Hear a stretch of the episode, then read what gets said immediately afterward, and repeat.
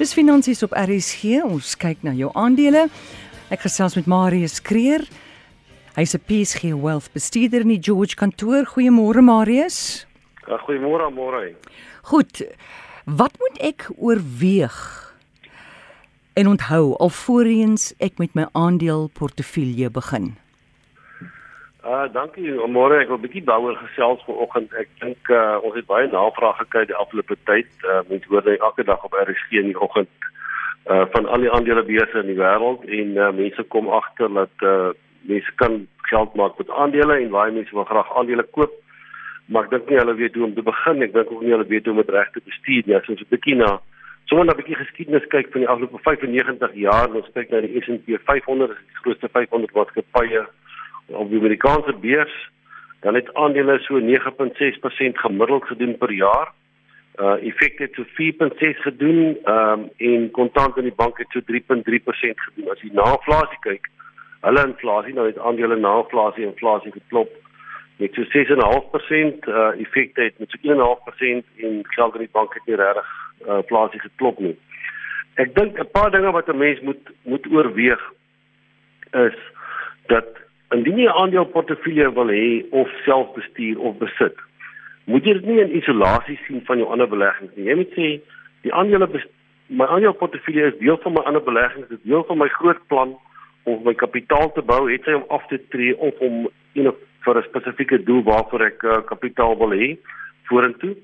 Ehm um, aandele portefeulje moet dus 'n rol speel in jou langtermyn finansiële om om jou langtermyn finansiële doelwitte te bereik. En dis nie iets waarmee jy speel nie. Baie keer hoor sê iemand sê vir ons maar julle ouens speel mos met aandele. Ons speel nie met aandele nie. Ehm um, mense wat met aandele speel maak nie geld oor die lang termyn nie. Hulle kyk jy geluk oor die kort termyn en dan dink hulle hulle is baie baie slim en goed. Maar oor die aandeel op die lang termyn ken ek nie iemand wat met aandele speel wat geld maak nie. Ehm um, jou aandeleportefeulje se hoofdoel binne jou finansiële plan is om kapitaalgroei te bewerkstellig. En dit beteken ook jy moet nie die hele tyd kapitaal onttrek en dividende onttrek wanneer die goeie dividende uitkom nie. Die hele doel van van 'n aandeleportefeulje is die kapitaalgroei wat jy kry en die dividende wat jy kry moet jy herbelê. Met ander woorde, as ek eenmal 'n jaar 'n klomp dividende van 'n spesifieke aandeel kry, dan vat ek daai dividende koop my nog van daai aandele. Uh dis hoe ek my aandeleportefeulje laat groei en oor die lang termyn uh bou want ek weet dividendopbrengs is deel van 'n aandeel se se se groei en se opbrengs. So jy nie elke jaar uh, 'n maatskappy vir kom ons sê 3 of 4% dividend betaal en jy sê, "Ja, maar dis nou 'n lekker inkomste en ek vat elke jaar trek ek hierdie inkomste." Dit beteken jy gaan nie 3% verloor nie, jy gaan 3% op 3% op 3% op 3% verloor. En dit gaan 'n groot verskil maak in jou opbrengs op die lang termyn. En enige ander portefeulje wat 'n mens het, moet as 'n langtermynbelegging gesien word. As jy dit nie doen vir die langtermyn nie, dan beteken dit jy's 'n spekulant. Ehm um, En mense wat vir die korttermyn aandele koop, is regtig nooit seker of hulle gaan geld maak nie. Dit is baie meer is maar 'n kans wat jy vat en jy hoop dit werk en uh ek dink mense moet ook nie aandele koop op op grond van die feit dat jy gehoor het van 'n aandeel iewers by 'n braaivleis of iewers het jy gehoor van hierdie aandeel en jy weet eintlik nie wat in die maatskappy aangaan nie. Ons weet dat wisselvalligheid binne markte is 'n gegewe. Jy moet jouself dus 'n kans gee om vir 'n lang periode te kan belê sodoende verskans jy jouself teen die korttermyn wisselvalligheid. Ehm um, ons sien dit ek het sommer gedink aan die ek en jy het gepraat in Desember het ons gepraat in in my kollega Ben Vermeulen. Ehm um, en ons het toe sommer gesê maar jy het as ons dan nou drie aandele moet kies vir die langtermyn, het ons gesê Naspers, MTN en IBM IB mm. Index. En as ons nou die afgelope maand kyk, het Naspers byvoorbeeld 17% gedoen, want ons nou gesê het koop Naspers. MTN het 8% gedoen. IBF IBF het minus 2 gedoen. Dis albei nog altyd baie goeie maatskappye. Maar mense kan nie oor die kort termyn uh regtig die opbrengs meer die hierdie aandeel portefeulje is daar om 7 tot 10 jaar of langer termyn ja. uh horison wat jy het as jy dit het. Ehm um, en dit is een van die min bateklasse wat jou wat jou beskerm teen impak van inflasie mits jy 'n langtermynbelegger is. En as jy ons ook maar net skoenmaker raai by jou lees, as jy nie regtig uh die kennis het op die navorsing kan doen en ons gaan dan 'n bietjie daaroor praat van uh, filosofie en 'n proses het nie, dan moet jy dit nie self probeer doen nie. Ehm um, die foute wat jy maak gaan jou op die lang termyn die te staan kos. En dan wat mense ook kyk na baie keer kom iemand na ons en sê vir ons maar hy het nou 20000 of 30000 rand hy wil 'n aandeleportefeulje begin. Uh jy kan 'n aandeel koop, maar jy kan nie 'n regte portefeulje bou met 20 of 30 30000 rand nie. Ons sê die die optimale grootte van 'n aandeleportefeulje moet plus minus 1 miljoen rand wees. En ek gaan nou praat as ons van die filosofie en die proses uh, praat, dan kan ons bietjie kyk hoekom ek so sê. Want 'n ou wil in jou aandeleportefeulje wil hy plus minus 20 25 aandele hê. Ehm um, en daar is kostes ook en kostes kan 'n effek hê as jy nie genoeg geld het nie want jy moet 'n transaksie fooi betaal en jy moet elke keer fooi betaal as jy aandele verhandel. So dit beteken as jy nou net nie genoeg geld het nie, dan is daai persentasie so hoog in jou portefeulje dat dit nie te werd is nie. Mm.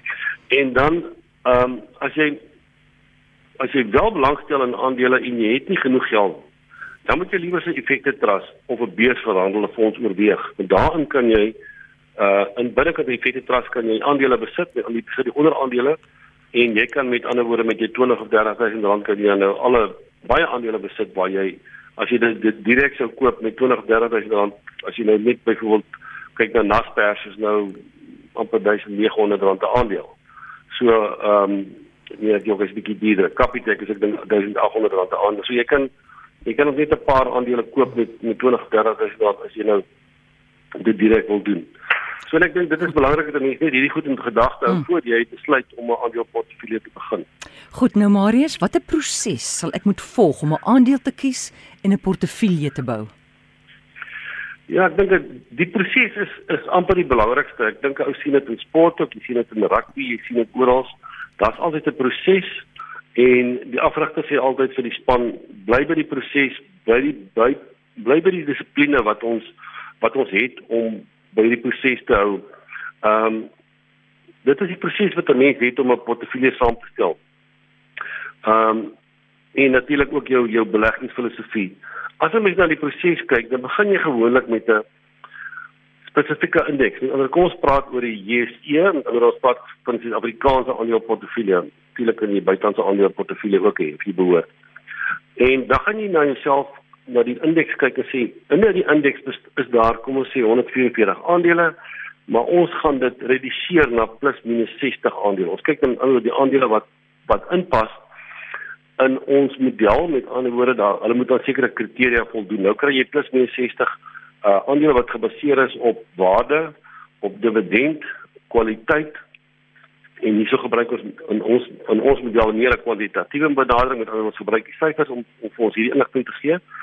En dan wil jy fundamentele navorsing gedoen doen op hierdie maatskappye. Met ander woorde, jy wil dan kyk of jy die besigheid verstaan of jy kyk na hulle of hulle 'n goeie besigheidsmodel het of hierdie maatskappy dan in die omgewing wat hy werk, uh of hy 'n beskerming tipe van 'n beskerming het. Kom ons vat 'n voorbeeld soos Microsoft. Uh daar's nie 'n manier hoe iemand môre gaan sê hier's 'n ander maatskappy en ons gaan almal nou Microsoft los en ons gaan nou ons uh al ons rekenaars gaan ons na 'n ander maatskappy te gaan. Dit is deel van van ons ons kan dit nie daar's nie 'n manier hoe iemand net môre kan kom en die maatskappy gaan oorvat of iets anders gebring wat in 'n plek kom. So dis 'n tipe maatskappy wat wat 'n beskerming het wat 'n ou graag wil hê. Jy kyk na finansiële state.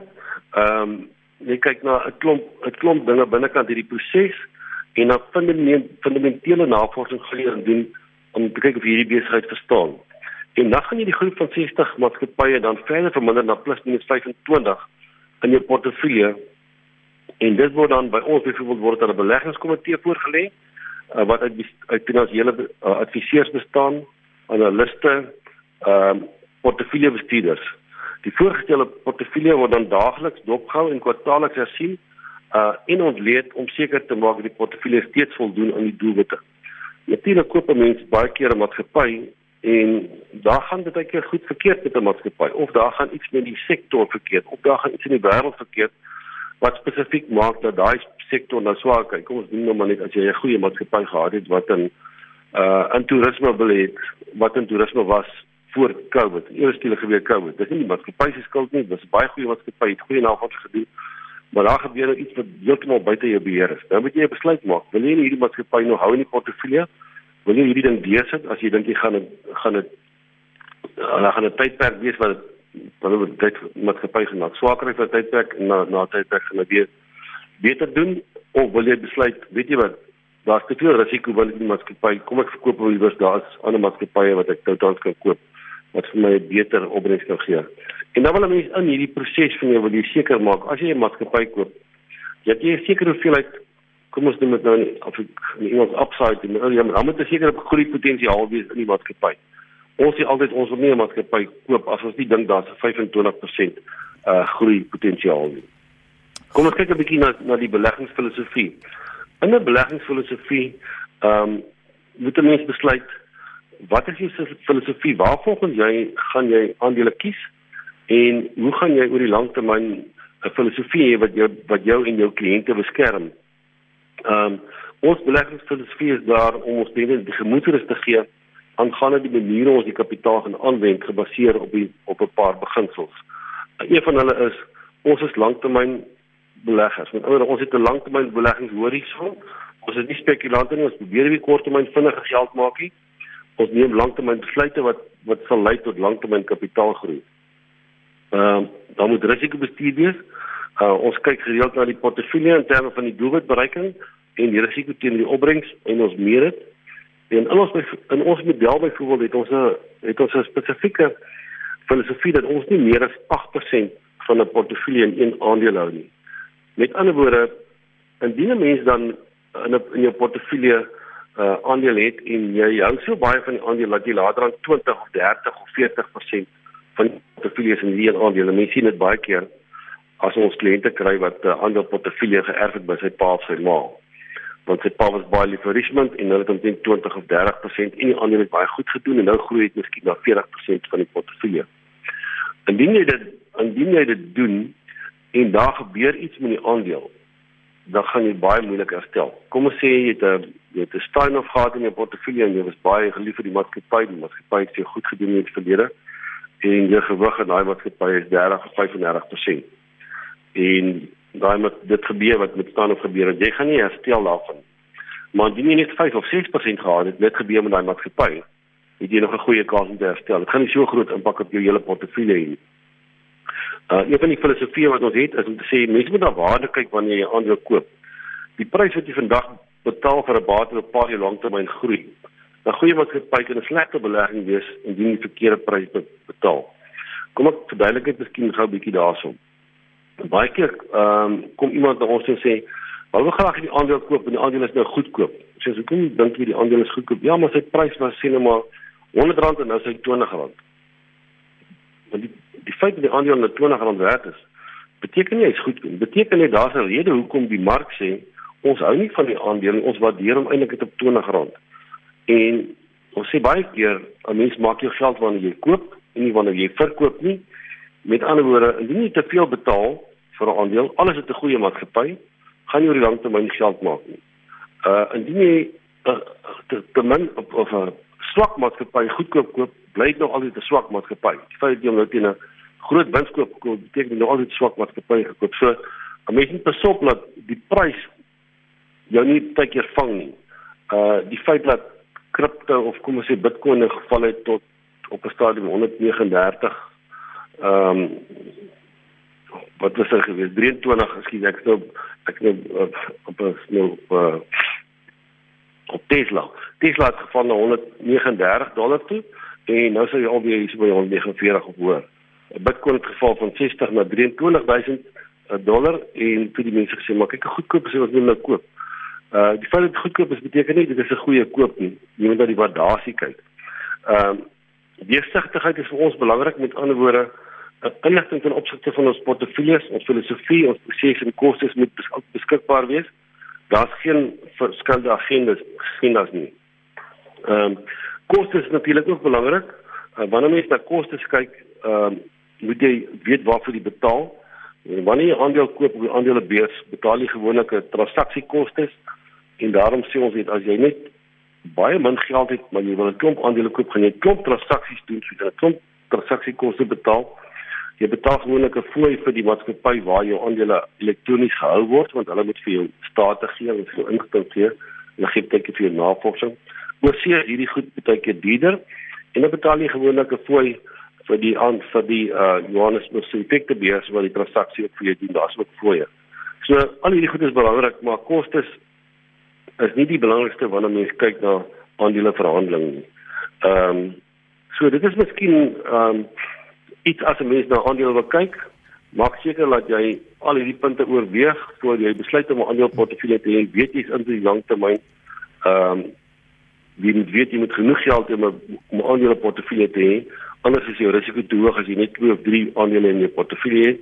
As jy nie genoeg geld het nie, gaan liewer die effekte trust Goed, Marius, ek het hier vir jou 'n vraag van Lehana. Sy sê dit is seker 'n dom vraag, maar ek het 'n 100 000 rand, sê sy, en ek gaan dit vir 'n kenner gee om dit vir my te belê om aandele te koop. Ek wil dit vir 10 jaar belê. Sal ek definitief kan geld kry na 10 jaar? Is daar 'n waarborg dat ek definitief van 10 jaar is mos 'n lang tyd? Ja, weet jy, kom ons kyk 'n bietjie na die geskiedenis van van aandele. Daar is nie 'n waarborg nie. Dit is ook nie 'n waarborg dat die bank vir jou sê jy gaan spesifiek hulle gaan vir jou sê hulle gaan vir jou hierdie bedrag, hierdie uh risiko's gee, maar die bank kan nie waarborg hy bestaan nog na 10 jaar. Die banke gaan ook baie keer onder. So, daar is eintlik nie so ding soos 'n waarborg in die wêreld nie. As 'n mens bietjie na aandele kyk en jy kyk nou na hierdie 95 jaar was die hoogste opbrengs wat jy sou gekry het op op die S&P 500 was 52%. Die swakste wat jy kon kry vir 'n jaar was minus 43. Die gemiddeld was 9,6. Ehm um, met ander woorde, as jy na die aandelebeurs kyk en jy kyk na 7 en 8 jaar, dan het dit nou nog nooit 'n 7 of 8 jaar termyn wat jy swakker gedoen het as geldmark of geld in die bank doen. As jy die geld vir 10 jaar wil hê, dan sê die statistiek vir jou jy gaan beter doen as wat jy in die bank doen en jy gaan heel moontlik die gemiddelde opbrengs kry van inflasie plus 5 of inflasie plus 6 oor 'n 10 jaar termyn. Uh nou daar is nie net vir jou waarborg gekry nie en ek dink as jy wil 100 000 rand hê, moet iemand nie vir jou aandeel portefeulje uh, begin nie. Want jy kan nie 'n portefeulje bou met 100 000 rand nie. Jy kan nie 20 aandele of genoeg aandele gaan koop wat die risiko so laag maak nie. En as jy net een of twee aandele koop met 100 000 rand, dan beteken dit jy vat ontsettend baie risiko. Jy druk al al jou geld in een of twee opsies in. So daai geld sal ek sê moet liewer in 'n aandele effekte trust gaan, uh plaaslik in in die buiteland en indien die persone dan hmm. vir jou goed bestuur oor 'n 10 jaar termyn, behoort die elk geval baie meer te doen, beter te doen as wat jy die geld in die bank sou sit of byvoorbeeld in 'n geldportefeulje. Goed. Wat wat sal die minimum wees om uh, jy het nou net toe gepraat van 'n miljoen, mag dit Ja, ons weet jy ons indien as 'n mens 'n miljoen het, dan kan jy regtig as jy 20 aandele of 25 aandele in jou portefeulje het, jy moet transaksies doen want dan net wanneer wanneer mense aandele portefeulje bou, nou besluit jy byvoorbeeld jy wil 'n spesifieke aandeel koop. Kom ons sê ek wil nou Naspers koop. Ehm uh, maar nou Naspers se pryse is op die op die stadium 2800 wat ek al rond. Nou sê ek vir myself ek probeer nou ek het 'n spesifieke vlak waarteen ons wil koop. Ons het 'n in intree vlak en ons het 'n uittree vlak wat ons die aandeel wil verkoop as 'n sekere vlak kom, dit is 'n raak te duur.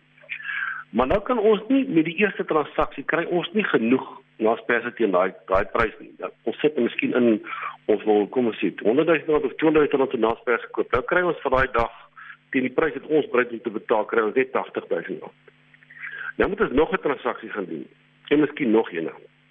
Nou as jy 'n klein portefeulje het en jy moet begin 'n 3 of 4 transaksies doen per aandeel, nie 20 aandele, dan jy later dan 60 transaksies gedoen. Dan gaan die transaksiekostes gaan later dan so hoog raak dat dit persentasiewys nie die moeite werd is om daai aandeel aandeel portefeulje te hê met 100 000 rand. Dis hoekom ons sê moenie met 100 000 rand aandeel portefeulje begin nie. Uh bou dan liewer vir jou 'n effekte transportefeulje op wat groei en jy kan geld bysit en as dit by 'n miljoen kom, dan skuif jy dit oor na 'n aandeel portefeulje toe okay. indien jy dan 'n direkte aandeelportefeulje wil hê. Uh maar dit is die optimale bedrag. Ek sê jy mens kan nie 'n portefeulje begin met 3 of 400 000 rand nie. Uh maar as jy 'n regte aandeelportefeulje wil begin wat bestuur moet word en waar jy 20 of 25 aandele het, dan sê ons dis omtrent die optimale bedrag wat jy moet hê. Dis goed om te weet. Marius, baie dankie vir hierdie inligting. Waar kan mense jou in die hande kry? Hulle kan my kontak uh, uh, ons landlyn is 0861 190. Hulle kan ook vir my e-pos stuur, uh, marius.kreer@psg.co.za. Uh, ek sal my bes doen om uh, so gou as moontlik almal te beantwoord of terug te skakel.